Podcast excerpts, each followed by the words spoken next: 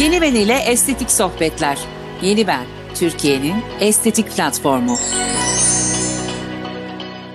Yeni Ben ile Estetik Sohbetler podcast yayınımıza hoş geldiniz. Bugün medikal estetik hekimi Doktor Sevgi Ekiyor üstelik ikinci kez bizlerle. Hocam hoş geldiniz. Hoş bulduk. Nasılsın Emel'ciğim? Çok iyiyiz hocam. Yakından takip ediyoruz sizi. Hatta şimdi podcast öncesinde yayınımıza başlamadan evvel yenilikçi bir şeyden de bahsettiniz. Onunla ilgili de sözler aldık sizde ama o konuya hiç girmeyeceğiz şimdi. Bugün biz sizinle Fibroplast, Fibroplus, Fibrojel hatta sizin deyiminizle güzellik sigortasını konuşmak istiyoruz. Evet. Şimdi, hocam şimdi biz aslında halk, halk arasında biz buna basitçe hani bu fibroları vesaireyi başına ekleniyoruz. Biz buna basitçe kök hücre enjeksiyon diyoruz. Aslında yanlış bir ifade değil mi bu? Şimdi yanlış bir ifade değil ama kök değil hücrenin mi? karış kök hücreyi karıştırıyor insanlar sadece. Evet. Mesela evet. PRP'yi de kök hücre zannedebiliyorlar. Yanlış evet. ifade o aslında.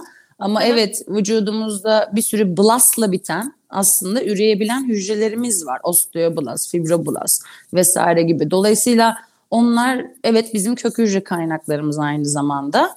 Ama dediğim gibi işte bu yağdan aldığımız karından, iç bacaktan, kök hücreyle işte bu kulak arkasından aldığımız fibroblastları karıştırıyorlar. Ya da evet. e, en en en sinir olduğum noktada bunu açıkça ifade edebilirim sana. PRP, GRP gibi kandan plazma toplamayı kök hücre diye deklare eden maalesef insanlar var. Yani deklare edildiği için belki bizler de bu ifadeleri karıştırmaya başladık. Hocam şu işe biz en başından başlayalım mı? Hakikaten bugün bizim ders gibi bir podcast'imiz olsun. Hocam en basit anlamıyla kök hücre ne demek? Şimdi kök hücre bizim vücudumuzda az önce de tiyosunu verdiğim gündelik e, hayatımızda yani gün içerisinde dahil bölünebilen, çoğulabilen, artan hani ve gün içerisinde dahil hani o piki yaptıktan sonra azalan bu sinir içinde, kemik içinde, eklem içinde, mukoza içinde yani cilt içinde bütün bütün bütün organlarımız içinde aynı zamanda kök hücrelerimiz var. Hani herkesin evet. anlayacağı dilde böyle ifade edebilirim sana. Dolayısıyla Hı bizim yaşanmakla birlikte kök hücre üretimimiz ve tüketimimizde de değişen mekanizmalarımız var. Dolayısıyla konsantrasyonu değişiyor aynı zamanda. Üretim kalitesi, yoğunluğu değişiyor ve tüketim hızı ve e, tüketimle birlikte gün içerisinde azalması da değişiyor aynı zamanda.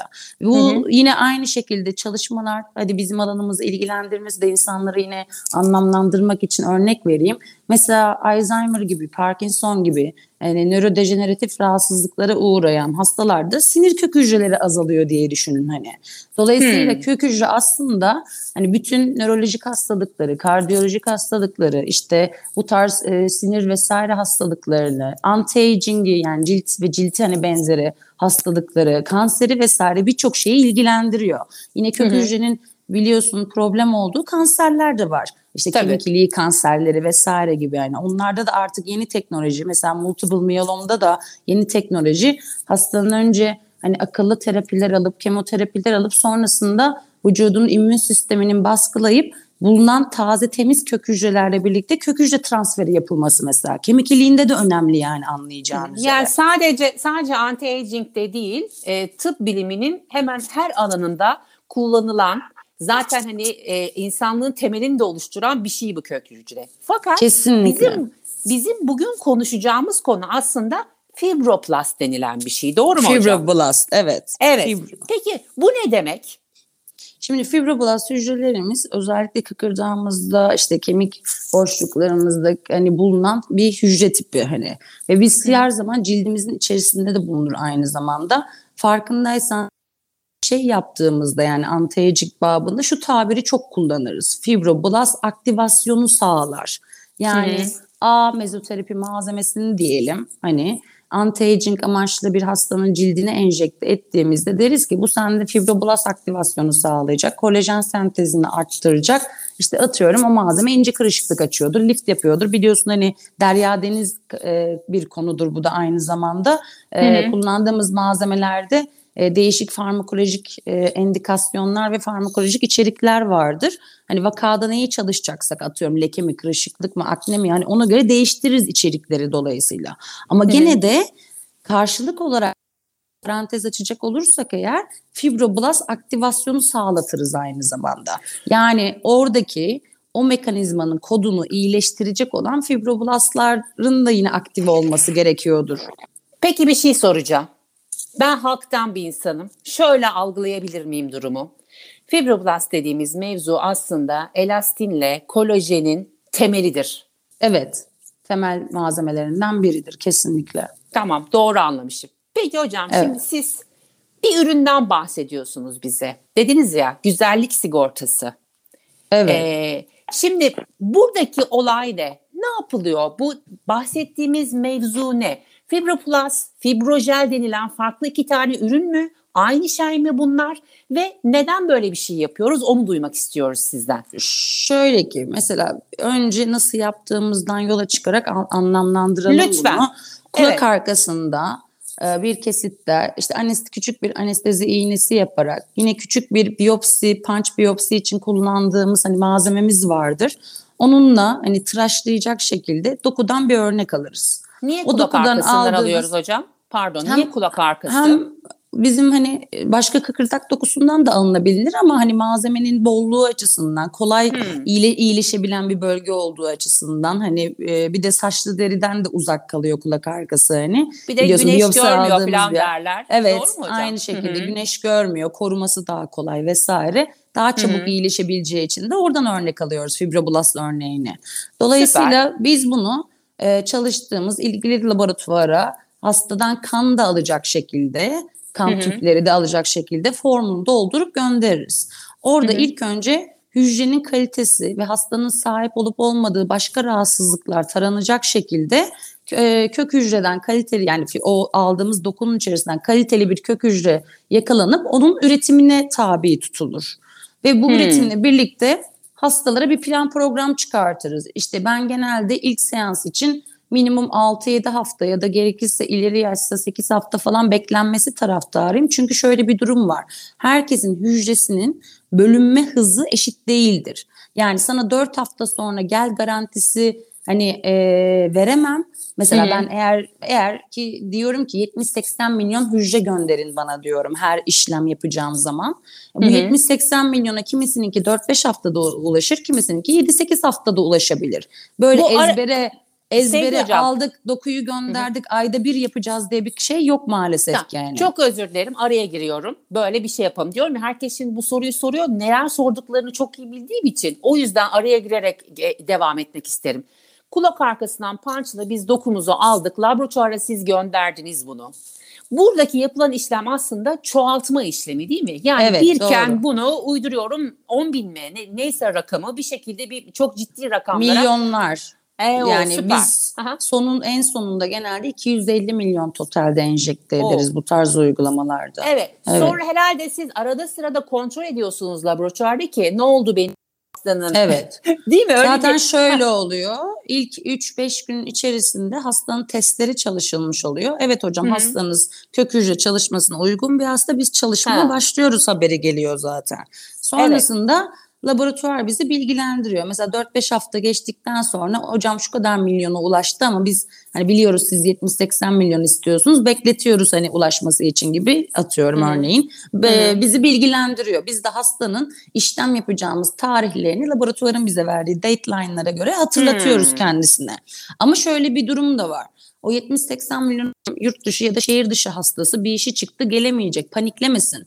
Ben zaten Hı. bu paketi uygularken hastama bir yıllık e, kök hücre saklanması için de e, ücretlendirmemi yapıyorum zaten. Yani kendim, aslında, kendim gönderiyorum zaten evet, hastaya. Bir nevi aslında kordon kanı vardı ya bizim bebeklerin. Aslında aynı kafa gibi bir durum var değil mi? Yani biz Tabii saklanabilir.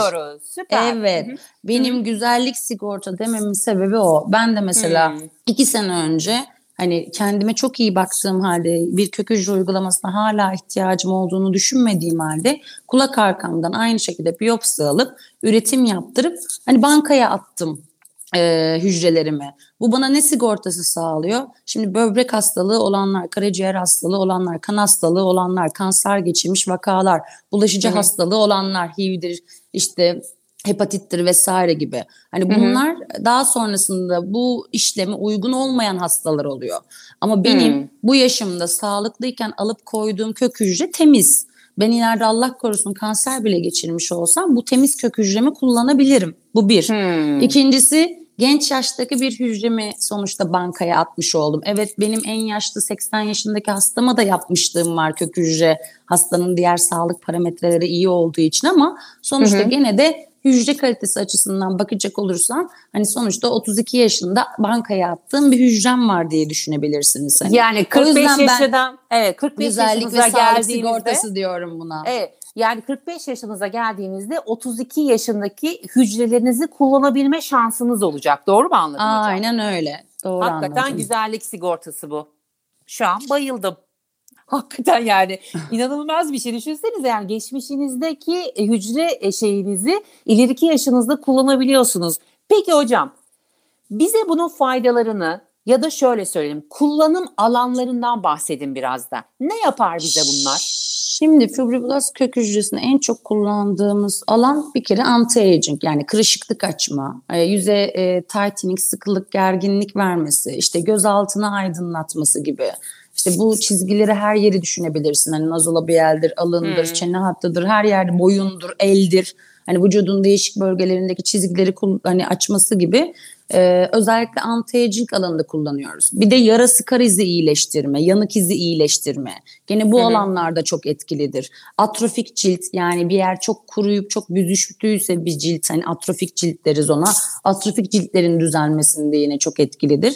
Evet fibroblastın saçta etkisi vardır ama diğer kök hücre uygulamasına göre mezenkimal kök hücre uygulamasına göre daha düşüktür. O yüzden ben evet. saç için kök hücre uygulayacaksam mezenkimali tercih ederim. Yağı tercih ederim yani. Hani fibroblastı değil her zaman için benim anlayışım daha etkin olanı yapmaktır. Hani bir noktada Hı-hı. ama hastanın fibroblast çalışmasını yaptıysak ve ön saçlarında atıyorum canlandırmaya ihtiyacımız varsa malzemeden gene de kullanırım hazır elimde hazır, malzeme hazır var diye. zaten diye. Aynen öyle. En çok etkili olduğu kullandığımız alanlar bunlar açıkçası.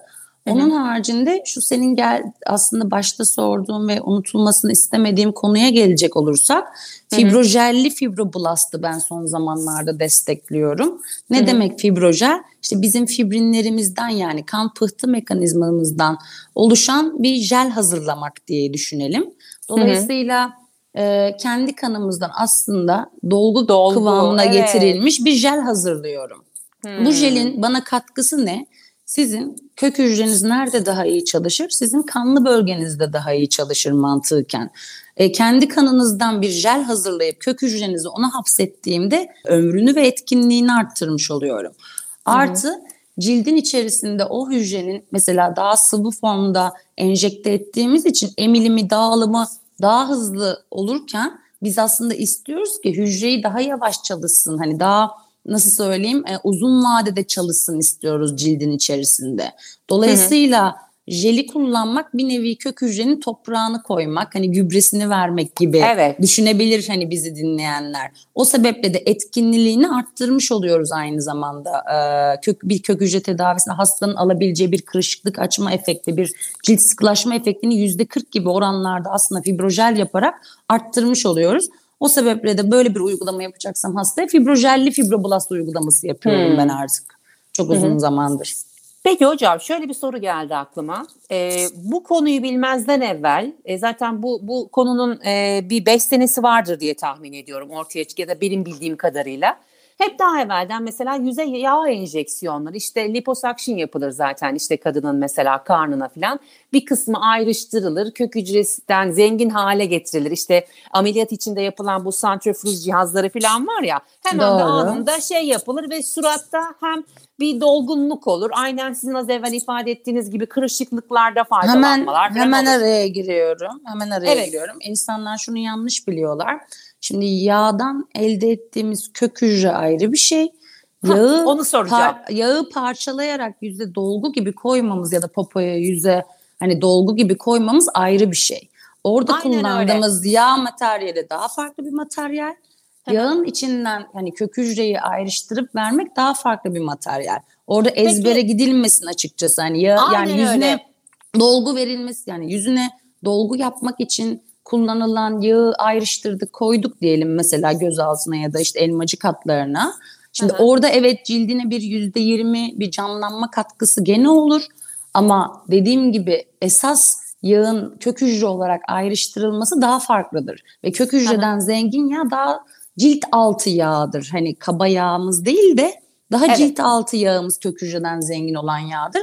O yüzden sen de biliyorsun ki klinik şartlarda hani maksimum 50-100 cc alacak şekilde e, özel e, hemen hastayı uyutmadan lokal anesteziyle işte karın bölgesinden, iç bacak bölgesinden e, çok az bir cilt altı yağı tıraşlayıp e, bunu özel bir cihazdan geçirip e, ondan sonra mikro hale getirip gene cildini hani ameliyathane ortamına sokmadan bu uygulamayı yapabiliyoruz. Ama Hı-hı. öteki türlü e, cerrah arkadaşlarımızla mesela hasta bir hastam zaten liposakşına ihtiyacı var diyelim. O Hı-hı. zaman e, çalıştığım cerrah arkadaşlarım var. Onlara o liposakşın için hastayı yönlendiriyorum. Ameliyatının bitimine doğru ben de dahil oluyorum. Hani hı hı. E, onlar dolgu vesaire işlerini yaparken ben de yağın diğer tarafını hani aynı şekilde ayrıştırıp hani kök hücresini organize ediyorum hastanın. Dolayısıyla aynı anda aslında hani bir hastada çıkarılabilecek maksimum fayda çıkartılmış oluyor. Aynen. Yani böyle bir operasyon sayesinde. Hı hı. Peki hocam bu, bu, bu olayın en güzel kısmı az evvel de söylediniz ya 32 yaşımda ben bunu aldırdım ve saklatıyorum. İşte 45'ine gelince de şey yapacağım. Bu anlatır mısınız? Nasıl oluyor? Yani bu her sene belirli bir miktarda para mı ödememek zorundayız evet, biz buna? Evet, evet. Nasıl yani bir sistem bankalar, bu? Bankalar senin de bildiğin gibi az önce plasenta örneği verdin ya hani kordon Hı-hı. bağı vesaire. Banka dolayısıyla şöyle yapıyor işte bir yıllık, üç yıllık, beş yıllık atıyorum hani on yıllık. Yani sen ne kadar şimdiden hani bir ödeme yapıp saklatma istiyorsan ona göre bir bedeli var hani. Ben aslında genelde işte beş yıllık öneriyorum hani sonrasında tekrar e, senden geri feedback alınır. Ona göre gerekirse tekrar uzatırsın diyorum hani e, hmm. kök hücre saklatma süreni. Peki hocam birazcık da şey şeye değinelim mi? Ee, şey punch yapıldı geldi dediler ki tamam çok güzel tam istediğiniz e, şeye ulaşıldı sayıya ulaşıldı dediler hastamızı tekrar çağırdık o günkü işlemler ve anti-aging bir işlemden bahsediyorum hı hı. E, o gün neler yapıyorsunuz enjeksiyon o gün, sonrasında sonrasında hı. neler yapmasını istiyorsunuz hastanızdan? O gün hastanın işte yüzüne e, eğer ağrı eşiği düşükse lokal anestezi iğneleme yapıyorum ya da krem sürüyorum hastaya hani. E, onunla birlikte o gün e, gene hastadan 3 ya da 5 tüp hani çıkan kök hücre miktarı yapacağım işlem aralığına göre kan alıp o kanı fibrojele çeviriyoruz yine özel cihazla ayrıştırıp. Sonrasında hı hı. kök hücrenin bir kısmını fibrojele hapsediyorum. Bir kısmını da eğer kullanmak istiyorsam ayrıca cilt üstü enjeksiyon için hani daha yüzeyel bir enjeksiyon için ayırt ediyorum. Ya da dediğim gibi tamamını fibrojeli de hapsedebilirim. Yani vakaya göre ne yapmak istediğime göre o kararım değişiyor. Değişiyor. Hı hı. Dolayısıyla iğnelememi başlıyorum. Sonrasında nasıl bir botoks yaptığımızda kurallarımız var. İşte aynı gün duş alma, alkol alma, işte e, spor yapma, terleme, e, 10 gün hamam sauna, solaryuma gitme, e, aşırı güneşin altında kalma, hani e, buharlı cilt bakımı yapma gibi birebir aynı e, kuralları Protokoller. uyguluyoruz, Hı-hı. protokolleri uyguluyoruz. Sonrasında Hı. hastamı tekrardan genelde şöyle düşün. Bir hastanın kök hücresi ilk e, zaman atıyorum 7-8 haftada üredi 80 milyona diyelim.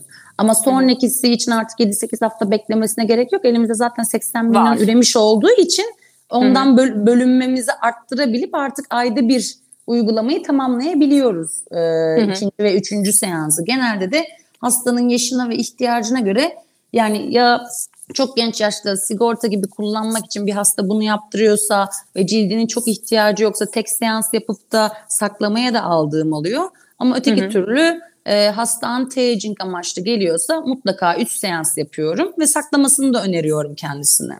Hmm, çok güzelmiş. Biz çok sevdik bu olayı hocam. Şimdi hocam Hı. değerli katılımınız için çok teşekkür ediyoruz. Şahane ben teşekkür ederim. Umarım herkes aydınlanmıştır. Son olarak söylemek istediğiniz, eklemek istediğiniz herhangi bir şey var mı hocam? Burada bir yönetimden de bahsetmek istiyorum tedavinin devamlılığı açısından. Hastalarıma Buyurun. şunu söylüyorum. Etkinliği evet e, ortalama hani genelde 35-55 yaş arası bu tarz tedaviye başvurur. işte 35-45 yaş arasında 5 yıl, 45 yaş sonrasında gerekirse hani 3 yıl sonrası tekrarlama da düşünebilirsiniz deriz hani hastalarımıza. Burada elimizdeki hani dediğim gibi sistemi kurmak bize bağlı. İster hasta uzunca bir süre bekler tekrar uygulamasını 3 seans şeklinde yapılır. Ama benim en çok sevdiğim şekil şu şekildedir. 3 seansını yaptıran bir hasta mesela 2 sene 3 sene sonra hemen bir seans yaptırabilir. Ya da sonrasında Hı-hı. o sene içerisinde hastalık geçirmiştir, yıpranmışlığı vardır, stresi vardır, kilo kaybı vardır. Tekrar 3 sene sonra 3 seans da yapabilir. Yani böyle bir sınırımız Hı-hı. yok açıkçası.